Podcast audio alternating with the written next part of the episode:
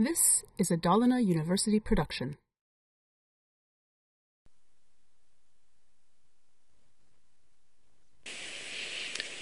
Vi tittar på hur man använder en sån här äh,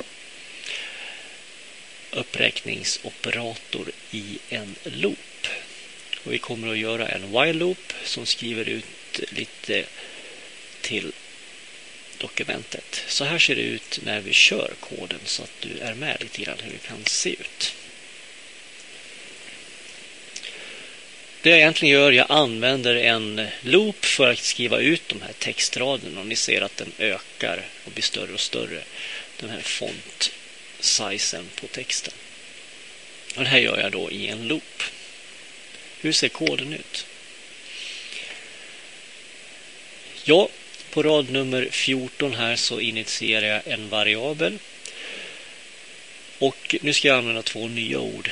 Initiera och deklarera. Deklarera betyder att man skriver var-counter, det vill säga att man skapar en variabel som har ett namn. Initierar, då ger man även variabeln ett värde, det vill säga att man sätter lika med 1. Så initierar den här variabeln till värdet 1. På rad 16 här så skapar jag upp min while loop. Och det här är en räknarbaserad while loop.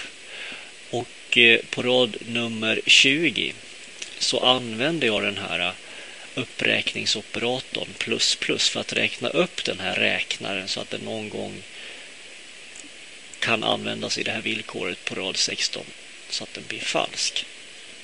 Och här ser ni då hur jag använder den här plus plus operatorn. Men då Rad 16 igen då. While counter. Så länge som countern är mindre än eller lika med 7, vad ska vi göra då? Jo, vi ska skriva ut lite information till dokumentet. Och vad gör den då?